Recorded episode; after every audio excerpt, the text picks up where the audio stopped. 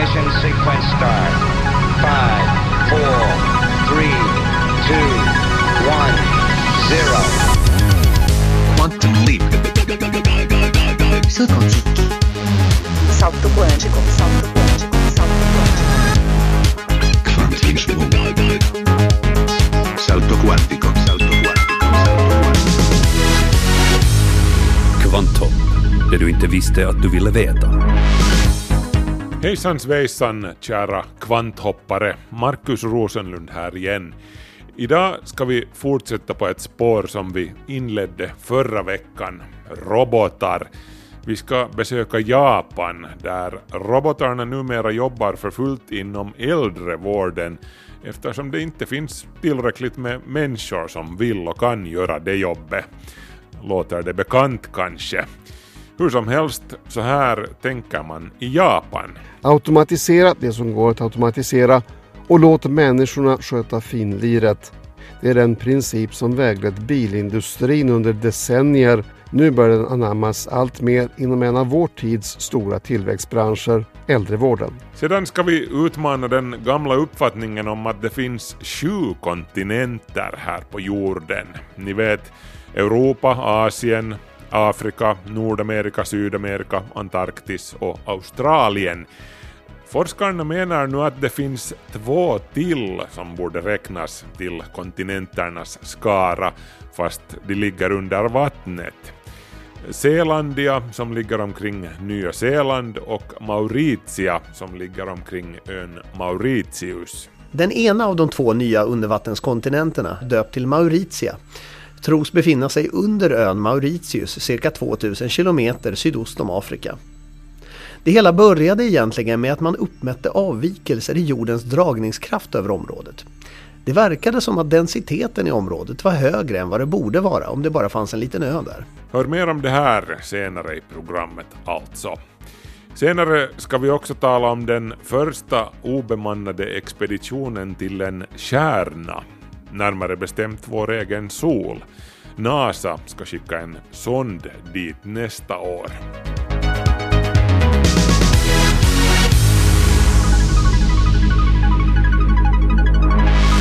Sådant på kommande idag alltså. Nu är det dags för notiser.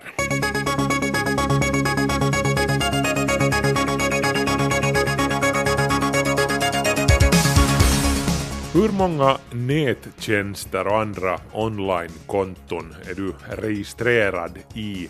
Är du som jag så är det säkert närmare hundra vid det här laget. Facebook, Twitter, banken, intranätet på jobbet och vem vet vilka alla till. Och alla ska ha sina egna lösenord. Fast nu visar det sig en liten ny amerikansk studie som Mashable skriver om att 80% av amerikanerna använder samma lösenord på alla sina olika konton. 18 till 31-åringarna är värst, av dem använder 87% samma lösenord. Och ännu värre, 29% av de som undersöktes delade lösenord med minst en annan person. Det här gäller alltså amerikanerna, men någonting säger mig att det inte är mycket bättre här hos oss. Jag har själv syndat med att återanvända mina lösenord men numera har jag faktiskt olika lösenord beroende på tjänsten. Man gör det så mycket enklare för identitetstjuvar och andra online-skummisar att ta över ens liv mer eller mindre om man kör med samma lösenord överallt. Forskare vid Linköpings universitet har presenterat framtidens batteriteknik och det är växter. Tänk dig att använda en ros till att ladda din telefon till exempel. En ros var precis det som forskarna använde. De skapade ett material som polymeriseras inuti växten och vätskorna som cirkulerar inuti växten spred sedan materialet till hela växten och skapade strömledande trådar inuti den. Resultatet är att växten blir till ett slags superkondensator. Rosen gick dessutom att ladda om hundratals gånger efter att laddningen var förbrukad utan att kapaciteten försämrades märkbart. Forskarna ser nu framför sig en framtid där hela åkrar fulla av odlingsväxter används till att lagra elström. Flygtrafiken är en av de värsta bovarna bland de olika transportmedlen om man jämför hur mycket koldioxid de släpper ut per kilometer. Och någon snabb förbättring är inte att vänta, skriver Teknika ett talaus. De nya planmodellerna, till exempel Boeing Dreamliner, är visserligen nästan 40% energisnålare än ett plan från 1990, men problemet är att planen byts ut i så långsam takt. Ett flygplan som tas i bruk idag är i trafik i 20 år i genomsnitt. Det finns nya supersnåla planmodeller under utveckling just nu Bland annat NASA jobbar på det här, men de nya planen dyker inte upp på flygplatserna förrän år 2035 eller så. Men den främsta orsaken till att utsläppen från flygtrafiken håller sig på en hög nivå och till och med stiger är att mängden plan i skyn hela tiden ökar kraftigt. Och eftersom utsläppen sker där uppe högt i skyn så är den värmande effekten per liter bränsle dessutom större än för till exempel biltrafiken. Mars är just nu i praktiken en geologiskt död planet, det vill säga där förekommer ingen vulkanisk aktivitet. Man har hittills trott att Mars till sitt inre påminner mer om vår egen måne än om jorden. Men enligt en ny studie från delstatsuniversitetet i Louisiana är Mars de facto mer som jorden inuti och man kan inte utesluta att vulkanerna på den röda planeten inte vaknar till liv något tag i framtiden. Tähdet ett Avarus skriver om det här. Mars hade vulkanisk aktivitet senast för 3-4 miljoner år sedan till exempel lavafälten på Elysium-området är från den tiden. Fyra miljoner år, det låter som mycket men det är som igår om man går efter den geologiska tidsskalan. Människans tidigaste förfäder levde till exempel här på jorden på den tiden. Största delen av utformationerna på Mars är hur som helst betydligt äldre än så, 3 till 4 miljarder år.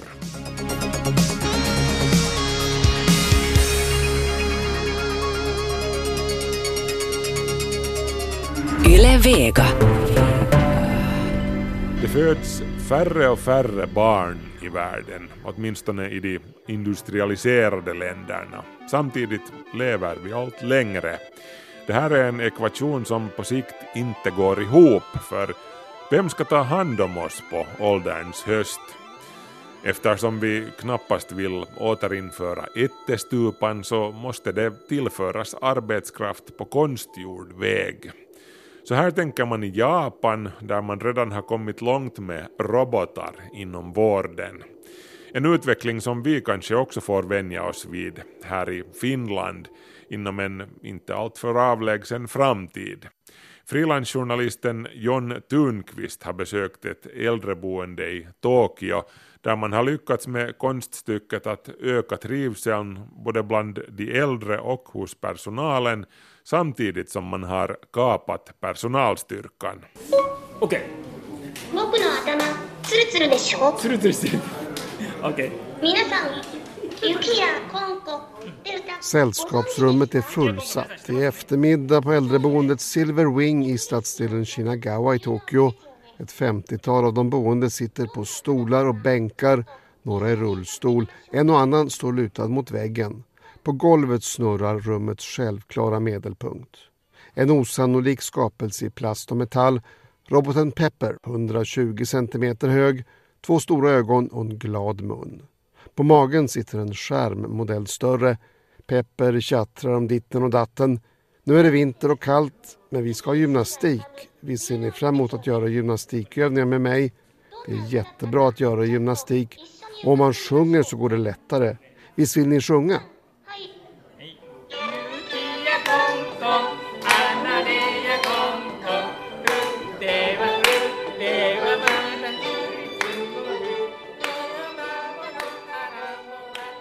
Pepper är i hög form och publiken har varit med för så alla spelar med, mer eller mindre entusiastiskt.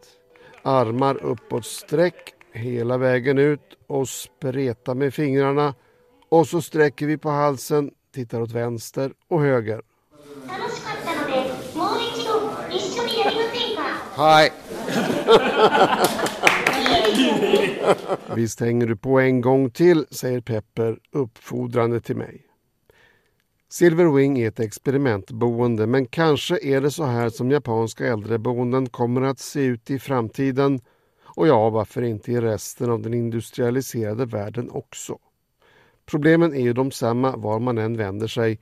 Vi lever längre och längre samtidigt som det föds allt färre barn. Arbetskraftsbrister inom äldrevården, åtminstone i Japan, har sedan länge passerat den gräns då den beskrevs som akut. Den kommer inte att kunna lösas på mänsklig väg. Återstår maskiner och robotar som får bli allt ifrån samtalspartners till extra muskler. 後ろいいですか Hej. 硬くなりました Ah, でこれで硬くなると後ろ側に向くと引っ張られて、っていう so you can stronger. それ Ja.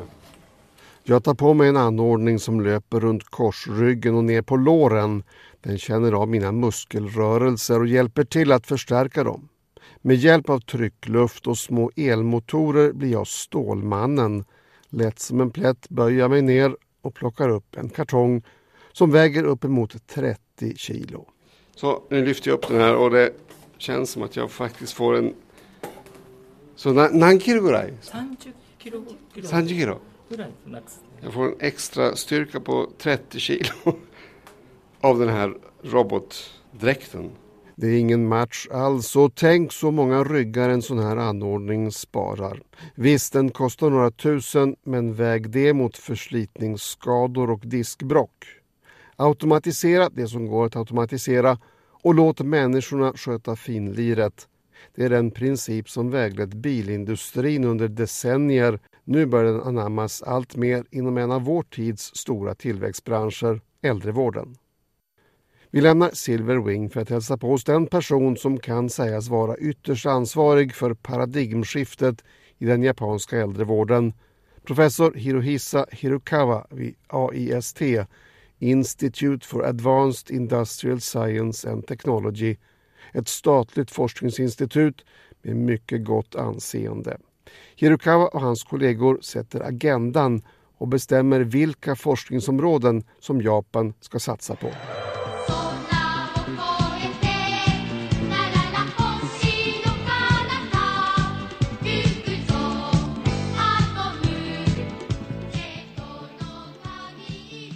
Precis som alla andra 40-, 50 och 60-talister växte professor Hirokawa upp med Astroboy. Den lilla pojkroboten med det stora hjärtat som räddade människorna från elände och ondska inte sällan manifesterat i elaka robotar som ville ta över världen.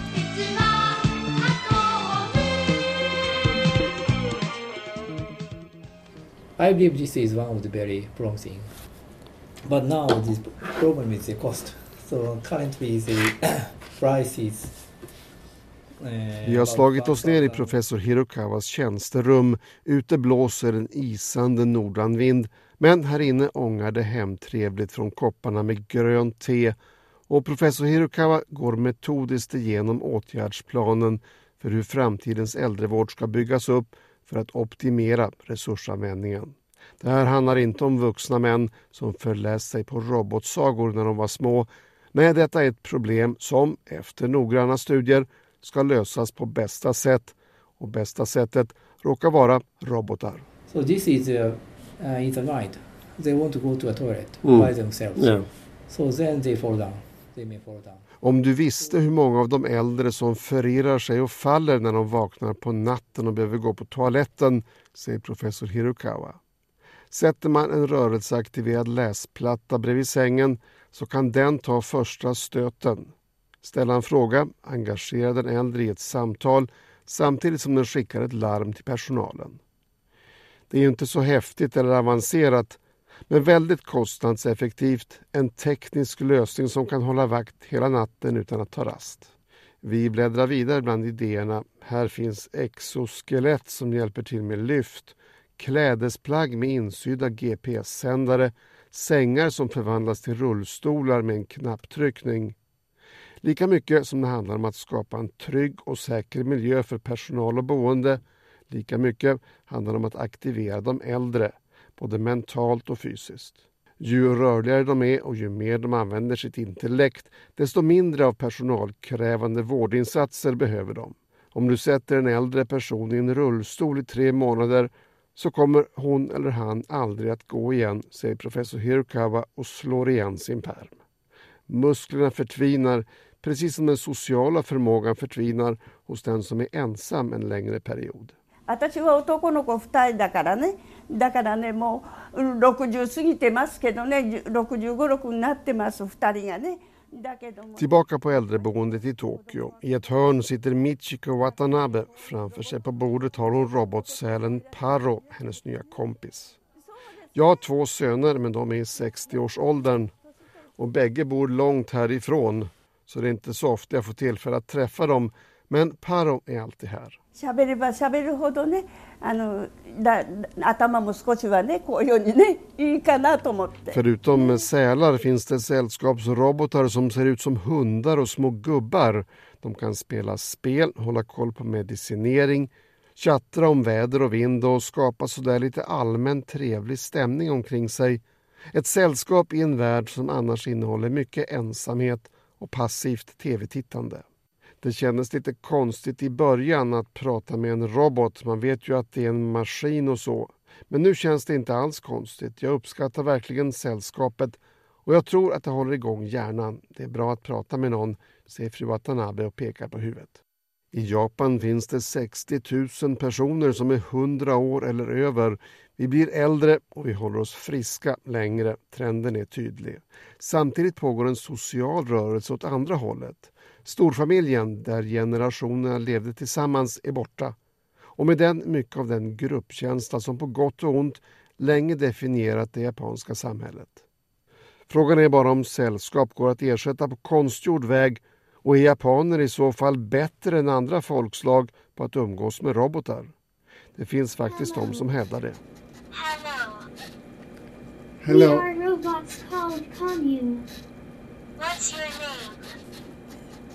My name is Jon. I see. Let's get started. Is this the first time you're talking with a robot? På Ishiguro Lab på Osakas universitet har man specialiserat sig på relationen människa-maskin. Här finns lekrobotar och robotar som vill bli kramade, stora och små robotar och sådana som är kusligt lika oss själva. Professor Hiroshi Ishiguro är den som leder forskningen. Han är robotforskningens posterboy och är berömd för att ha gjort en kopia av sig själv i naturlig storlek. Men utgångspunkten, säger Ishiguro, har inte varit att bygga den mest avancerade roboten utan faktiskt att studera människan. Vad är en människa? You know, my approach is uh, it is different from uh, uh, neuroscience and cognitive science. You know, the cognitive science and neuroscience is a kind of bottom-up approach, so they try to identify. Mitt mål har alltid varit att förstå människan, att ta reda på vad det innebär att vara människa. Inom neurovetenskapen och de kognitiva vetenskaperna utgår de ifrån den mänskliga hjärnan och försöker identifiera de olika funktionerna. Själv använder jag det som jag kallar för ingenjörsmetoden. Jag bygger en modell av en människa och sen studerar jag i detalj hur den fungerar och beter sig i olika situationer, säger professor Ishiguro. Och har man kommit så långt så upptäcker man kanske att vi människor inte är så speciella. Enligt professor Ishiguro så är detta anledningen till att japaner har så mycket lättare än västerlänningar att ta till sig robotar. Att umgås med dem, prata med dem, göra dem till en del av vardagen. Det är ju bara i Japan som man hittar robotar som leder gympapass för pensionärer. Professor Ishiguro anknyter i sitt resonemang till det som kan sägas vara en grundsyn inom shintoismen, den inhemska religion som tillsammans med buddhismen dominerar det religiösa tänkandet i Japan. Shintoismen utgår ifrån att allting vi har omkring oss är besjälat. Därmed förtjänar det också vår respekt och vördnad. Vi tror we believe that humans are just a part of our nature, the same as the rocks and tables, the chairs and mouse, and some other animals. Why we need to distinguish that? I den kristna världen tror ni att människan är så speciell, men för oss japaner så är människan bara en del av det stora alltet, precis som en sten eller ett bord eller en stol. Det finns ingen anledning att särbehandla människan, säger professor Ishiguro. Vi japaner ser oss i första hand som medlemmar i en grupp. Vår viktigaste uppgift är inte att tjäna massa pengar åt oss själva, utan att tjäna gruppen. Det gör vi inte genom att sticka ut utan genom att utföra de uppgifter som krävs av oss. Då får vi också del av den trygghet som kollektivet erbjuder. Till sist hörde vi roboten Pepper avsluta ett gympapass på äldreboendet Silver Wing i Tokyo. Och det var frilansjournalisten John Thunqvist som hade varit där. Kvanthopp, det du inte visste att du ville veta.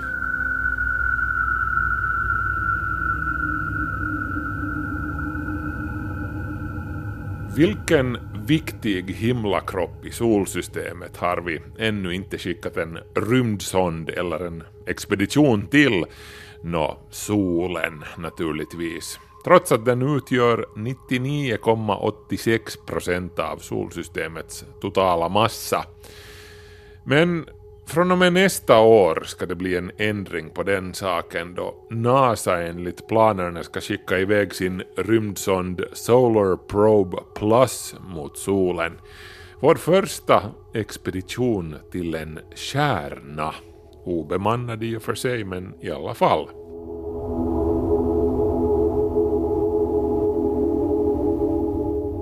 Det är förvånansvärt mycket som vi inte vet om vår stjärna, trots att den är så dominerande i skyn och i våra liv. Eh, vi vet att den är en enorm fusionsreaktor som skapar sin energi genom att slå samman väteatomer under det enorma trycket som råder i dess kärna. Eh, man kan också jämföra den med en enorm vetebomb som har exploderat i mer än 4,5 miljarder år. Men väldigt mycket av detaljerna kring hur den fungerar är fortfarande ett mysterium för oss.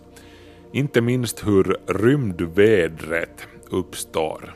Och här ska Solar Probe Plus hjälpa till med att skaffa information. Solar Probe Plus ska alltså hjälpa oss besvara tre frågor som vi har om solen. Varför är solens yta, den så kallade fotosfären, så mycket svalare jämfört med solens atmosfär, den så kallade koronan? Fotosfären är 5500 grader Celsius het jämfört då med coronan där det råder hejdlösa två miljoner grader Celsius. Det här vill man ha svar på. Liksom också att varifrån kommer solvinden? Den där vinden som ger kometerna sina svansar. Den ständiga ström av laddade partiklar som blåser från solen som också ger oss våra norrsken då de träffar jordens magnetfält. Hur uppstår solvinden? Hur accelererar partiklarna till sin enorma hastighet på en och en halv miljon kilometer i timmen? Och den tredje frågan som Solar Probe Plus ska forska i är varför får solen tidvis utbrott av högenergiska partiklar, de där som utgör en fara för rymdfarkoster och deras besättningar?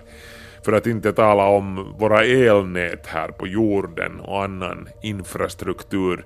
Beräkningar från USAs vetenskapsakademi visar att en kraftig solstorm i värsta fall kan orsaka skador till ett värde av 2000 miljarder dollar bara i USA och lämna östra delarna av landet utan elström i upp till ett år. Solar Probe Plus kommer naturligtvis inte att flyga ända fram till solen, men tanken är att den ska ta sig närmare än någon annan sond har kommit före den. Eh, 6 miljoner kilometer ifrån solen ska den flyga. Det här kan låta som mycket, men då ska vi tänka på att vi här på jorden befinner oss 150 miljoner kilometer från solen. 6 miljoner kilometer, det är nära på riktigt. Det är ett stenkast i kosmiska sammanhang. Det tidigare rekordet är från 70-talet och är på 45 miljoner kilometer. Så 6 miljoner kilometer, det är nära solen, tro mig. Så här nära solen är strålningen 520 gånger starkare än här på jorden och det här ställer ju naturligtvis enorma krav på tekniken. Solar Probe Plus kommer därför att ha ett hölje av kolfiberkomposit som är 11 centimeter tjockt. Den kommer också att ha en värmeväxlare med rör som transporterar bort den hetta som tränger igenom farkostens värmesköld så att de känsliga instrumenten ombord inte tar stryk. Om allt det här fungerar som det ska så borde det i princip råda rumstemperatur inuti sonden och normala strålningsnivåer också. Solen är ju alltså en kraftig strålningskälla. Den utstrålar inte bara ljus utan den lyser på hela det elektromagnetiska spektrumet och man har varit extra noga med att skydda elektroniken ombord från strålning. I princip betyder det här att en människa kunde vara med ombord och klara sig oskadd. Faktiskt kunde man ta den ännu närmare den här sonden med en människa inuti upp till 4 miljoner kilometer ifrån solen. Men i ärlighetens namn, vem skulle anmäla sig som frivillig för ett sådant uppdrag? Nå, lyckligtvis så är det inte nödvändigt så länge som vi har våra trogna mekaniska sändebud som snart har besökt solsystemets alla världar, utom en, självaste kärnan. Men nu ska det som sagt bli en ändring på den saken i och med Solar Probe Plus. Och nu ger vi ordet åt Thomas Silén och då ska det handla om en försvunnen kontinent som har kommit upp i dagen, eller har den ens varit försvunnen? Det finns sju kontinenter idag. Afrika, Asien, Sydamerika, Nordamerika, Europa, Antarktis och Australien. Det här är vad de flesta av oss lär sig i skolan redan i tidig ålder. Men nya geologiska fynd den senaste tiden gör att vi kanske får revidera våra kunskaper och våra läroböcker. På olika håll i världen har forskargrupper hittat tecken på att det kan finnas kontinenter under vattnet som helt enkelt sjunkit under historiens gång. För att förklara hur det här fungerar så måste vi först tala lite grundläggande geologi. Vår planet är uppbyggd av en delvis fast och delvis flytande kärna av järn som omges av material som kollektivt kallas för manteln. Manteln är mestadels fast men har plastiska egenskaper närmare jordytan. På den här vilar sedan den tunna jordskorpan. Tillsammans med en del av den underliggande manteln så bildar jordskorpan de så kallade litosfärplattorna. De här plattorna flyter omkring på den relativt mjuka delen av manteln som kallas för astenosfären. Litosfärplattorna, de här flytande sakerna, delas in i två typer. Oceaniska och kontinentala. Karl Ehlers, professor emeritius i geologi vid Åbo Akademi, tar vid. Jordklotet har egentligen två olika typer av, av jordskorpa. Det som finns under världshaven som består av, av gamla lavor och basalter och den är ungefär i genomsnitt så där en 7 kilometer tjock. Och så har vi kontinenterna som är mellan 30 kilometer och 60 kilometer tjock jordskorpa. Kontinenterna som innehåller alla de gamla delarna av, av jordens geologiska historia. Så de består av, av det som vi ser här omkring oss, graniter, gneiser, omvandlade bergarter. Medan havsbottnarna är ganska färska, de bildas på nytt hela tiden, eh, består i huvudsak av basaltiska tunga eh, mörka bergarter. Eftersom litosfärplattorna är uppdelade i olika plattor som flyter omkring som stora flak så kolliderar de emellanåt med varandra och deformeras. Och de bryter även isär och formar nya landmassor. Emellanåt så stora att de får beteckningen superkontinenter. Vad exakt som ska klassas som en superkontinent är inte helt utan diskussion. Men man brukar prata om det då man menar ett stort antal stora kontinenter som slagits samman. En av de här superkontinenterna var Gondwana som tros ha bildats mellan 570 och 510 miljoner år sedan. Gondwana kolliderade mycket senare med Laurasien och bildade den nya superkontinenten Pangea. När Pangea slet sönder bildades ett nytt Gondwana bestående av dagens Afrika, Sydamerika, Arabiska halvön, Indien, Australien och Antarktis och rörde sig sedan söderut innan den också började lösas upp i sina beståndsdelar. Och det är här berättelsen om de potentiella nya kontinenterna börjar.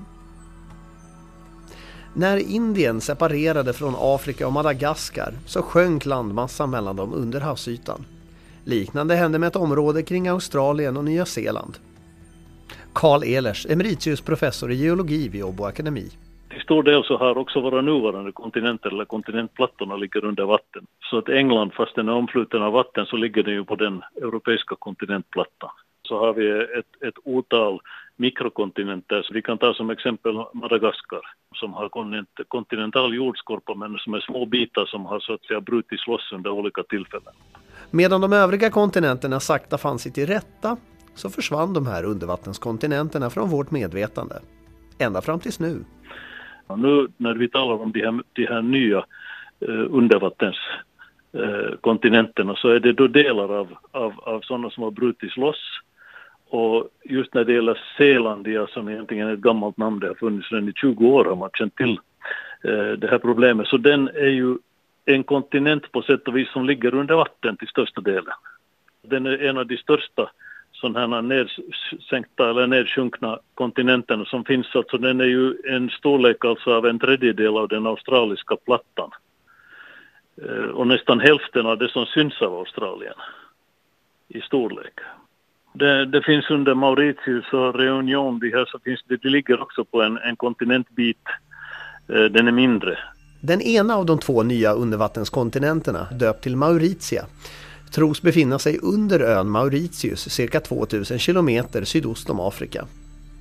Det hela började egentligen med att man uppmätte avvikelser i jordens dragningskraft över området. Det verkade som att densiteten i området var högre än vad det borde vara om det bara fanns en liten ö där. När man senare hittade kristaller på Mauritius som kastas upp av ett lavaflöde och daterades till att vara mycket äldre än ön så fick tanken på en saknad kontinent ny fart. Den andra kontinenten, Zeelandia, som är det namn som forskarna som upptäckte kontinenten vill ge den, befinner sig under Nya Zeeland. Geologen Nick Mortimer och hans forskarlag på åtta personer skriver i sin forskningsrapport att de nya zeeländska öarna egentligen är topparna på en kontinent som till 94 procent ligger begravd under vattenmassorna. Det här själva fyndet är ju inte nytt. Mortimer och forskarlaget började argumentera för Zeelandia redan för 20 år sedan. Men de har sedan dess samlat mängder av ny data för att stödja sitt argument att landmassan borde klassas som en ny kontinent. Och det är tydligen inte de enda kontinenterna vi inte vet om. Sen har vi ju då en under Jan Mayen i norra Atlanten, en lång smal sån här kontinentbit som möjligen går ända in under, under södra Island. Så med tanke på att vi nu har en drös nya kontinenter att ta hänsyn till så är det väl bara att sätta igång och korrigera skolböckerna. Ja, riktigt så enkelt är det inte. Karl Ehlers förklarar det så här. Jag tror att de flesta av de här stora platåerna under havet i dagens läge är kända, men nu har vi liksom både, både kontinentala sådana här eh, små mikrokontinenter och sen sådana som består av havsbottensmaterial som inte, inte är på samma sätt eh, kontinenter. Så, så det här är ju en glidande och en varierande eh, historia. Vi vet ju att kontinenterna idag också vandrar och rör sig sakta med, med cirka 3-4 centimeter i år i ungefär samma hastighet som håret och naglarna växer. Jag tror att det är mest frågan om storleken. Alltså den här under Nya Zeeland så den fyller de flesta kriterierna på vad en kontinent ska vara. Den har alltså de här kontinentala jordskorpan, den har de här kontinentala bergartstyperna och den har en tydlig sån här upphöjning gentemot det här Atlantis, eller de här havsbottens eh, bergarterna runt omkring. Så den, den, eh, jag tror det är mest frågan om storleken för att den ska gå som en kontinent. Det finns nämligen ingen officiell instans som godkänner kontinenter. Det bara är. det har väl inte funnits något speciellt behov. Det blir ju så småningom nu när, när en, en ny kunskap blir etablerad. Allting tar en ganska god tid innan, vad ska jag säga, den här majoriteten av, av, av forskarna sen är, är på samma linje. Och sen, sen börjar det väl gå in då i att all right, vi kanske kan ta den här Zeelandia som en ny, som en ny kontinent. Problemet är ju med det här att det här är sånt som man inte har kunnat se förut. De här stora kontinenterna har man sett sen, sen de här eh, Vasco da Gamas tid så har folk upptäckt det men att det där, eh, men, men eh, de här som har ligger under havsytan, 100 meter under havsytan, har man inte kunnat se och nu med de här moderna metoderna kommer det framåt. Så att på samma sätt tror jag nog att de kommer att arbetas in så småningom i något sorts system att man, vi talar om, om, om dolda kontinenter och, och, och synliga kontinenter.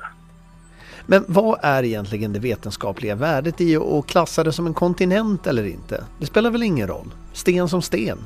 Eller?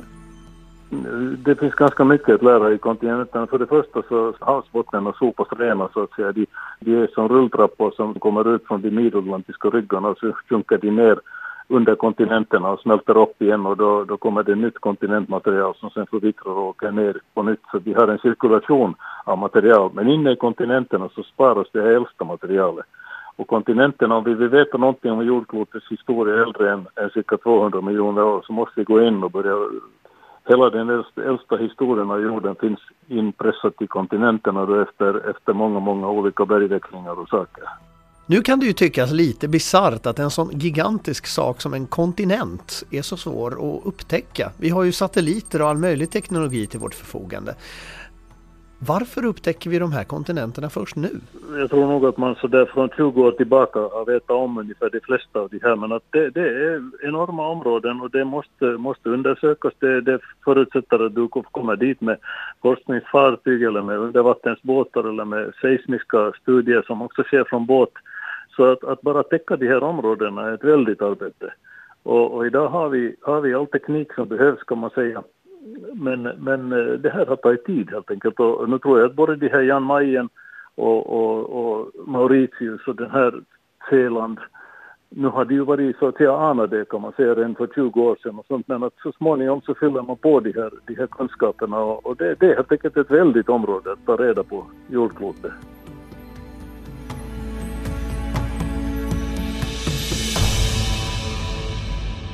Emeritusprofessor i geologi vid Åbo universitet, Karl Ehlers, intervjuades av Thomas Silén.